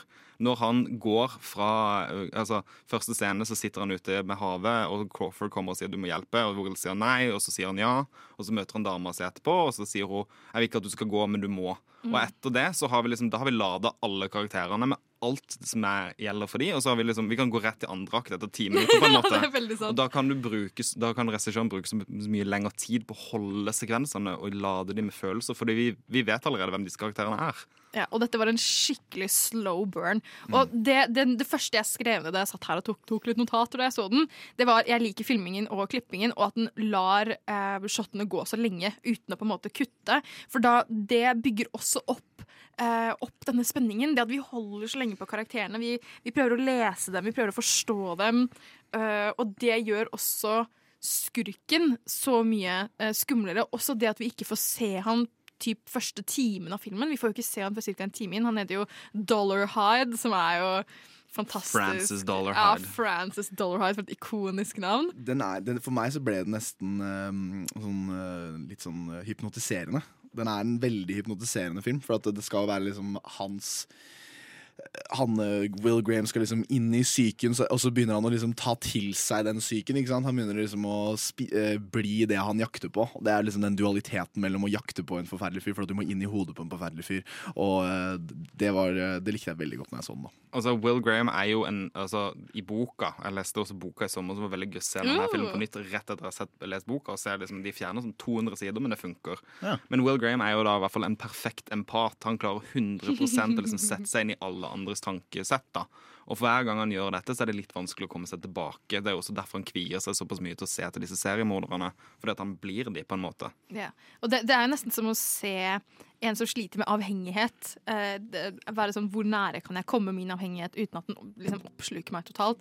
Men det må jeg si, det var, det var et par ting som jeg syntes var litt morsomt. Og det var at eh, vi, Når vi får se han sitte og kverne, når vi får se Will Graham sitte og kverne over eh, hvem er denne morderen, hva er det morderen egentlig vil, hvordan finner han ofrene sine, hva er de valgt ut på random, hvorfor, hvorfor har valgt de han har valgt så, han, så, snakker han ofte med seg selv, men som om han snakker til morderen. Uh, og da er det flere ganger som han sier sånn You liked murdering them, sånn type ting. Og så avslutter han alltid med Didn't ya?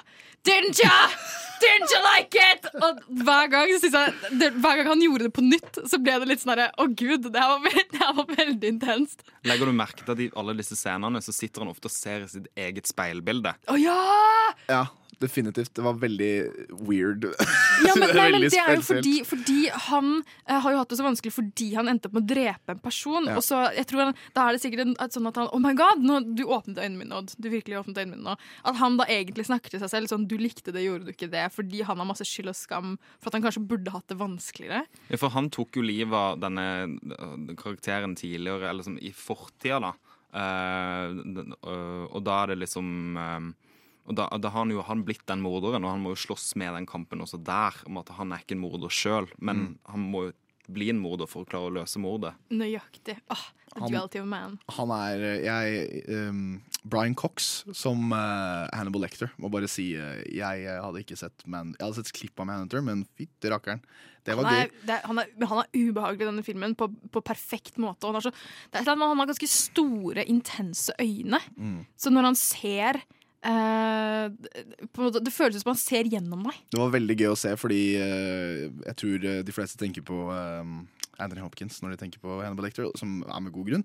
Eh, men det er jo gøy å tenke på, fordi at eh, han Brian Cox har jo blitt så utrolig relevant igjen pga. Succession. Succession. Så det var gøy å se han i en veldig tidlig rolle. Altså, og så må jeg bare si, jeg ser ingen andre enn eh, han, han eh, som spiller Will Graham, han spiller jo i CSI. Uh, og jeg, og jeg, når jeg satt og så på det, så ser jeg bare sånn Faen, altså, jeg tenker legit på CSI hele tida. Og jeg, jeg så på masse CSI, det var bare veldig gøy.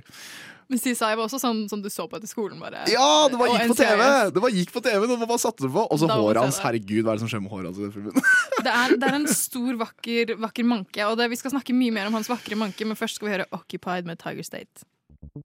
Du lytter til Radio Nova. Der hørte vi Occupied, fremført av Tiger State. Nå skal vi snakke litt mer om Manhunter. Odd, hvordan var det å se den filmen opp igjen nå? Det var faktisk helt nydelig. Jeg var litt sånn, Har jeg sett den filmen her for mange ganger nå? Nei, det er absolutt ikke.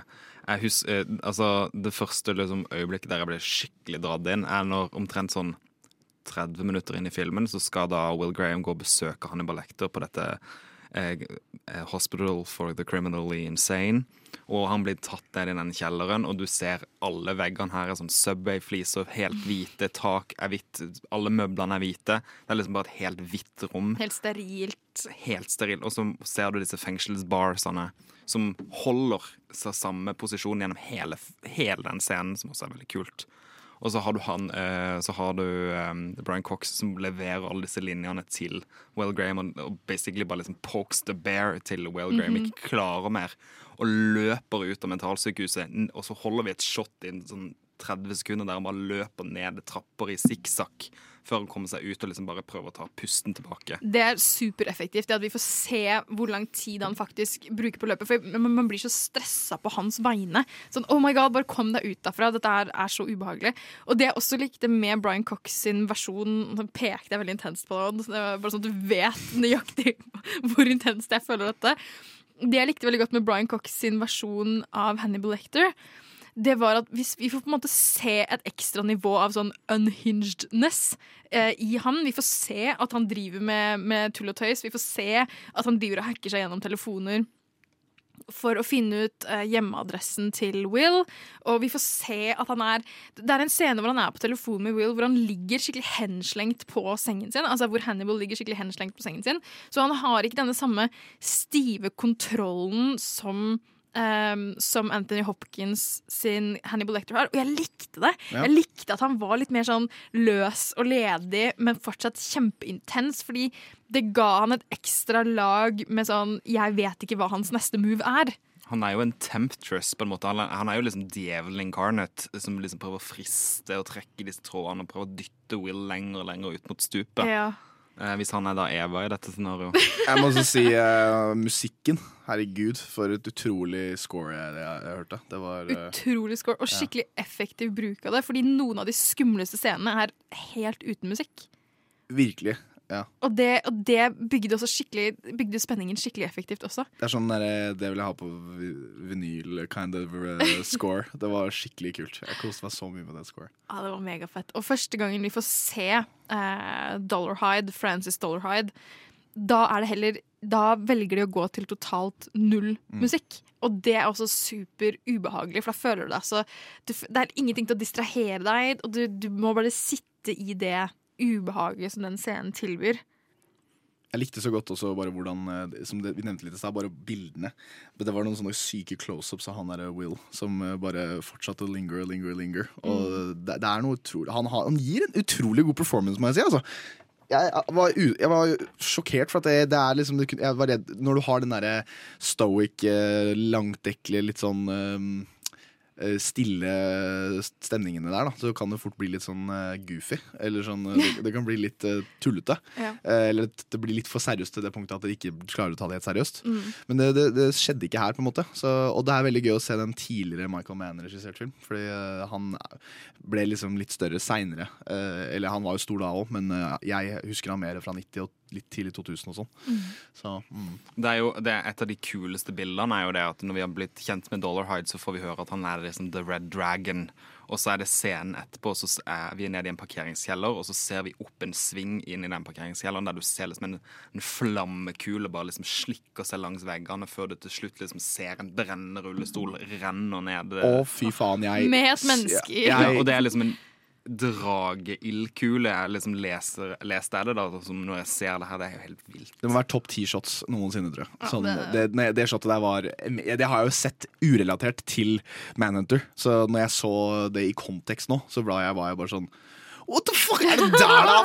Og, ja, jeg elsket det shotet. Det, Ja, det var super, superfett. Så da, da lurer jeg også på um, Odd til deg. Ehm, hva, hva på en måte ble sådd i deg da du så denne filmen? Jeg tror det var uh, Ja, sådd. Odd. Odd Sodd. Sodd Odd på pod. Um, jeg tror kanskje at uh, Manhunter er en av de filmene som først liksom, presenterte muligheten til å lage film uten så jævlig mye dialog. Uh, at det er mye mer mood, at man kan bruke de visuelle og de audiovisuelle virkemidlene har såpass mye å si i film. Altså, I tillegg er jo uh, source material kjempebra, da, så de hjelper jo del også. Men det er liksom hvordan bildene og musikken kan brukes, og settdesign og blokkinga, og hvor du setter kameraet. Det er jo mange sånne ekstreme vinkler der du filmer fra gulvet eller Ja. helt opp i taket, eller fra inni boka som blir lest.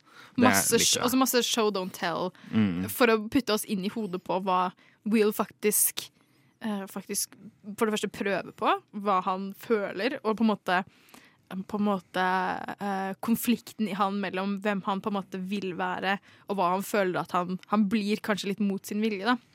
det er gøy hvordan sånn show don't tell eh, i, på sånne filmer som dette her, for meg Eller for meg, nå, jeg tror på at vi har sett på så mye sånn expository scener de siste 20 årene, så er det gøy å se en sånn film eh, bruke dette her til det beste, da. Og Mm. at jeg liker det, for at det, jeg, jeg innså når jeg så det, bare sånn wow. Jeg har blitt forklart veldig mye de siste årene. Sånn på, på TV-en, liksom. Sånn når jeg ser på en film på TV-en eller noe, for at det er en scene som Nå forteller jeg deg hva som skjer. Eh, så når du liksom Christopher Nolan. ja, ikke sant? Eller bare sånn på en eller annen måte i alt litt grann nå. Uh, alt som kommer på liksom Disney og Netflix. Absolutt alt har liksom en slags form for expository uh, sekvens nå. Uh, så når du ser det, veldig mye av det her, da, så likte jeg det var, det var så utrolig kult. For at det kan, det, jeg tror folk blir litt intimidert av det når de ser det nå. Mm. For at de blir litt sånn derre Er det noe jeg skal få med meg nå? Er det noe jeg ikke skjønner? Å, jeg irriterer meg. Fuck den filmen der. Ja. eller, sånn der så den, eller at mange kanskje tror at filmen skal være litt sånn smartere enn deg, eller at filmen ikke helt vet hva den gjør og sånt. Men Ja. det er der jeg liker at den er litt sånn Det er ikke nødvendigvis åpning til tolkning, men det er den bruker bilder til å forklare deg, så kan du heller finne det ut av det sjøl, istedenfor at det skal være en sånn to scener hvor en politimester sier alt som foregår. eller noe Ja, Det kjennes ut som at uh, Michael Mann uh, har på en måte Han tar seeren på alvor, og han tenker sånn Du skjønner dette. Og det føles litt sånn overraskende småalternativt ut. Eller sånn der, jeg, jeg føler at Veldig ofte mange uh, ser jeg, tenkte jeg liksom på en sånn Hva, dette er litt sånn litt artsy. Eller sånn der, Det var mer artsy enn jeg trodde det skulle være. Det er, en veldig sånn, det er mye maksimalisme i det minimalistiske. Ja, ja, ja. Var det noen av dere som eh, telte Poetisk. hvor mange lik dere så i løpet av filmen? Nei, det teller jeg ikke. Nei. Det er ingen. Det er et godt poeng, det. Det er megagodt poeng. Jeg tror- De, er bare på en måte, de er på en måte bare hintet til at de er der. Når de f.eks. skal dra og ta noen sånn Mm. fingerprint tests og sånne ting, så er det bare De går til rommet det er, men vi får ikke se detaljene av det. Wow, Men det han som brenner, han er jo, han er jo Ja, Men han er jo ikke lik på det tidspunktet. Det er, nei, det er sant. Han dør, han dør jo på sykehuset etterpå. Det er sant. Ja. Jeg vet ikke med dere, men jeg føler meg som et fremtidig lik. det er, Tror jeg vi er alle gjør. Ja. Ok, men da, ja, altså, Vi skulle gjerne fortsette å snakke om Manhunter også, men nå skal vi snart faktisk gå over til en liten lek som Daniel har, Oh, yes. har planlagt for oss. Og Da skal vi gjøre en, en perfekt låt for, eh, for filmen vi akkurat har snakket om. Den heter Blodet. Do you want to play a game? Why do you seem so scared? All I wanted to do was play with you. Please come and play with me. Let's play a game! Det var blodet med Stiva Linan, og jeg må bare si det. Alle de alle de, de jinglene som dere hører som er mest unhinged, det er det Alexander eh, Helstenius som har stelt i stand. Så det, ble, det har blitt mye latter i studio av Det siste. Let's play game! Jeg føler, jeg, ten, eh, jeg føler liksom eh, eh, Vi må få dette til, nå, hvis ikke dør vi jo da. Det er en trussel. Altså det, den er fra Ja, er Alexander litt Fagsjø selv. det. Kan, du- kan, du prøve, kan du prøve å gjenskape den Let's Play-gamen? Å nei. OK, Daniel, kjør. Ok, Jeg skal bare forklare hva vi skal gjøre nå. Nei, nei, først må du si Let's Play-game. Let's play game. Wow, det var litt sånn kokett. Ja, jeg prøvde. Ok. um, så denne leken her, eh, det heter Movie Antonyms. Eh, Jeg har sett dette liksom litt eh, rundt på nettet og sånn. Det, er litt, det virker gøy. Eh, Det jeg rett og slett skal gjøre, er at jeg skal Det er veldig mange filmtitler jeg skal nevne for dere nå, men det er blitt oversatt til det stikk motsatte av det filmtittelen er. Så jeg skal bare gi dere et kjapt eksempel, sånn for eksempel uh, Them. Us. Yes! Dere er med. OK. Så da skal jeg Ja, dere, dere har én og én riktig nå. Eh, så nå skal jeg bare gi dere Fader, det kan hende dere bare nailer dette her, da. Er vi, er vi på lag, Oda, eller er vi mot hverandre? Jeg vet ikke. Jeg føler at vi kanskje er på lag. Hva vinner vi? Jeg- Eller men da vinner vi uansett. Jeg tenker at det er morsomt hvis dere klarer sammen å komme til bånn av alt. Ja, ikke ikke sant? sant? Begge to klarer Så hvis dere alt. jobber sammen, så er det ikke noe problem, det. Kanskje vi skal, skal vi telle sånn til tre og så si det samtidig? Nei. Nei, nei, nei, dere må, det, her må dere knake, tror jeg. Ok. Altså, vi må bare vibe på mentalt. Vi sant? begynner Da begynner jeg om tre, to, Jeg er redd. én. Sunny Woman.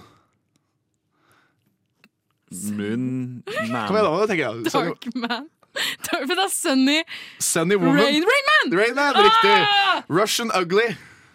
Være ugly? Nei, men Russian Ugly. American Beauty. American Beauty, kjempefint. Front Door. Back window. Rear View Window! Rear window. Rear window. Um, uh, nice Boys. Mean Uh, uh, Girls. Yes, Mean Girls. Skulle du sagt ugly? Skulle du Jeg skulle Ugly Men. Du vet den filmen Ugly Men som alle digger? Kan vi Uh, lage en film som heter Ugly Men? ja, selvfølgelig, Oda. neste så er det Live Soft. Die, Die Hard. Hard. Save Phil. Kill Bill! Kill Bill. Men hvordan er Ok, da. Stopp en halv. Hvordan er Phil det omvendte av Bill? Jeg tror det var. det, Hva er det omvendt av et navn? Det er vanskelig. Ja, okay, ja, Save sånn. Phil, Kill Bill. Det høres morsomt ut. Det er søtt. Bad Won't Fishing. Good Will Hunting! Goodwill Hunting. Down. Up. The Satan Mother. The Godfather! The Godfather. Ah! Jeg elsker det. Vi er, vi er halvveis. Forward, uh, no, uh, forward to the past. Back to the future. Ah, Riktig. ja. The Bad, uh, uh, The Good and the Beautiful. The Good, and The Ugly. Ugly Man. Pretty Woman! Yes. Sorry, jeg skal slutte å skrike. Yes, date for young Yes, date for young women. Uh, No Country for Old Men! No country for men. Vent, vent, stopp. Date? Ja, det var det, det, var det jeg fikk. Vent da, vent da. Yes. Ja, state er det, sorry. Okay, ja, ja, ja. sorry. Jeg har skrevet feil Men vet du hva? Jeg skjønte det uansett, Yes, date for young women. Det det er my, mye smartere. Uh, the Arrived. Arrival Nei, det er The Arrived? uh, The... The... Returned. the Nei. Da, vent. The Arrived. The Left? Nei. The Leaving? Le the Lefting? Hva er et annet ord for liv? Departed! Ja, Oh Departed. vent, stopp. Departed, jeg må bare si det, fordi dette er en litt sånn kontroversiell mening jeg har. Men The Departed er en av Jeg mener det er en av Scorseses beste filmer. Den er kjempefett. Jeg synes den er Jeg tror ikke vi setter nok pris på hvor bra The Departed egentlig er, og Jack Nicholson er i den. Selvfølgelig er Jack Nicholson i den. Jeg syns den er uh, virkelig opp der. Jeg Jeg tror- meg veldig med den. Hvis vi, virkelig, hvis vi hadde satt oss ned og sett den på storskjerm, så tror jeg vi virkelig hadde sett altså, Anyway. Jeg syns Irishman er bedre, da. Hva faen i helvete er det du sier for Det kan du ikke mene. Nei da. OK. Neida. eh, South Woman. Northman. Northman. Ah, Syns du den var bra?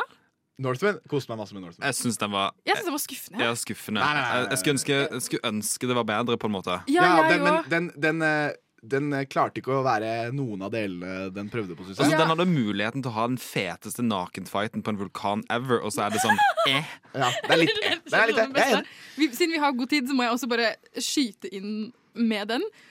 Tenkte dere hvor mye unødvendig eksposisjon den filmen hadde? Fordi jeg, må bare si, må bare si det er én scene. For det første, da ser vi, ser vi hovedkarakteren gå gjennom en sånn stor eh, traumatisk hendelse, og så hopper vi eh, frem i tid, så vi ser han han er mye eldre.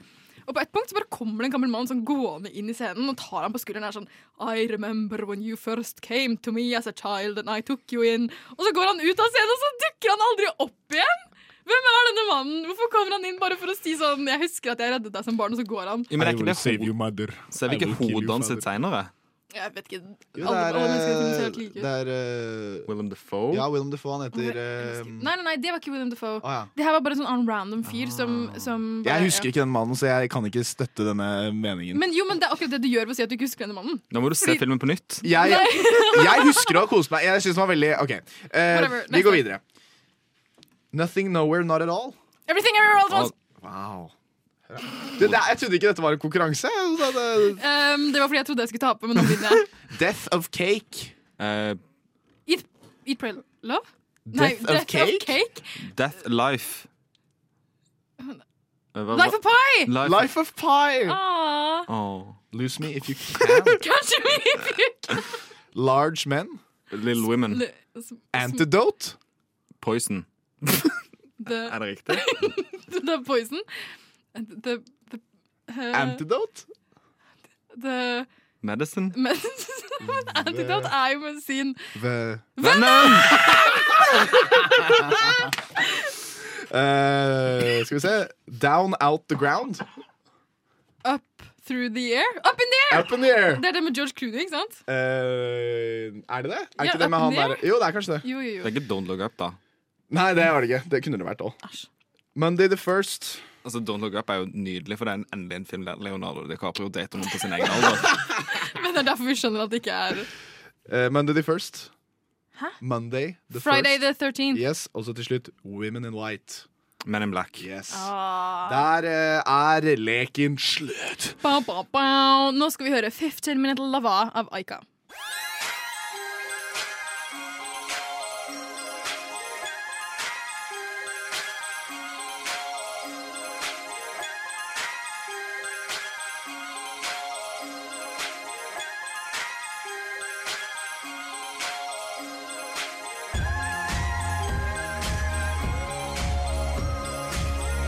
Siden 1982 har Radionova gitt deg favorittmusikken din.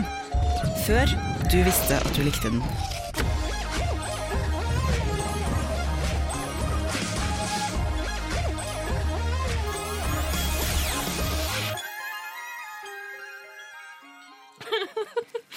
OK, det var 15 Minute Lover av Aika. Unnskyld, nå ble det litt. OK, nå Get it together. Vi ta oss sammen, Odd. Ikke noe Morbin time nå. OK. Det vi Nå har vi kommet til veis Odd, slutt! Nå har vi kommet til veis ende. Dette har vært en kjempekul sending, hvor vi har snakket om Indiana Jones and Last Crusade. The Bodyguard. Om Om Holdt på å si Morbius. Manhunter. Ja. Og Michael Morbius.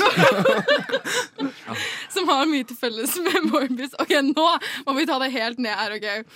Um, dette har vært en skikkelig morsom sending. Det er veldig kult å snakke om Og snakke med folk som digger film, og hva er det som virkelig har fått deg til å elske film. Og liksom gå inn i sånn Hva er det, hva slags elementer er det i de forskjellige filmene som virkelig har fått deg til å Ja, som virkelig har liksom gitt deg the passion for film. Men jeg lurer på, Odd.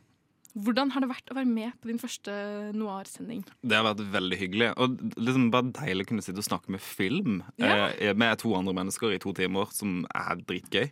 Altså, Det finnes jo ikke noe som er gøyere enn film og TV. Air five. Jeg syns ikke det var så gøy. Eh, nei, det var kjempehyggelig. Uh, det, var, det er alltid gøy å snakke om. Spesielt denne, denne sendingen her kan, ha, kan man ha tusen ganger, syns jeg. For at eh, det er Det er jo derfor vi sitter her, egentlig. Altså, det er for- det er fordi vi er filminteresserte for at vi sitter her. Så det å snakke om de filmene er jo kjempehyggelig. Og vi har snakket om så mange forskjellige filmer. Og den der An- Antonym-leken vi nettopp gjorde, var jo Alle de filmene der er jo sånne filmer som gjorde oss filminteresserte filmer, syns jeg. Ja, det, Hvem fikk en melding nå? Det var meg. Dødsstraff. Det var social mediaen min som blower up. Ja, det kan jeg jo for, for øvrig si. Du kan sjekke ut eldre episoder av Nova Noir på Spotify. Vi har også en Instagram-bruker, Nova Noir 993. Du kan følge oss på Facebook. Der poster vi litt sånn sosiale medier-content som Daniel har vært eh, ansvarlig for i dag. Å, dårlig, ass. Det var Nei, skikkelig jeg synes det var. Nydelig. Masse, masse lek og moro, og der kan du også på en måte se når vi poster om vi har en ny sending, hva vi har sendinger om, og bare bla gjennom Spotify-arkivet. Der vi har en sending om det aller meste, vil Ja. jeg si. Du kan, det fins noe for alle og enhver der. Hvordan syns, du, hvordan syns du det var å ha med Odd i dag? Ja, det var så hyggelig. Uh, pustet nytt liv inn i dette slitsomme studio. Det var, eller slitsomme redaksjonen. Som egentlig, som egentlig er litt morsomt, fordi jeg og Daniel har jo ikke vært på lufta sammen Nei, nei, nei. Så dette, her er, eh, dette er første gang for alle, tror jeg. Det er oh kjempehyggelig. Det var faktisk veldig Det var en vakker Vi poppa cherryen vår i dag, ja. Oh, we, we really did. We Ja. popped the cherry. Yeah. Så, men, men Med det så kan vi vel egentlig bare si takk for i dag. Håper dere alle har en, en fantastisk Morbin torsdag. Og har dere noen siste ord dere har lyst til å avslutte med, folkens? Eh, Jeg advocater ikke mer bruk av Morbin Time-meme, fordi det har eh, blitt tatt i bruk her. Det er det jeg skulle si. Tenker at jeg, jeg vil avslutte med å si at Jared Leader burde ikke få meg jobb. Vi har ikke snakka om det hele dag, så det, det var en kjempekul sending. Var masse kule filmer. Og, Ja, ja. vi, vi, eh, ja, vi, vi, nok en gang har Jared Leto blitt cancelled, denne gangen på Radio Nova og Nova Noir. Med det så kan, vi, så kan vi avslutte med å si at nå skal vi høre 'Venn med meg selv i kveld' av Klossmajor, og ha en fantastisk torsdag.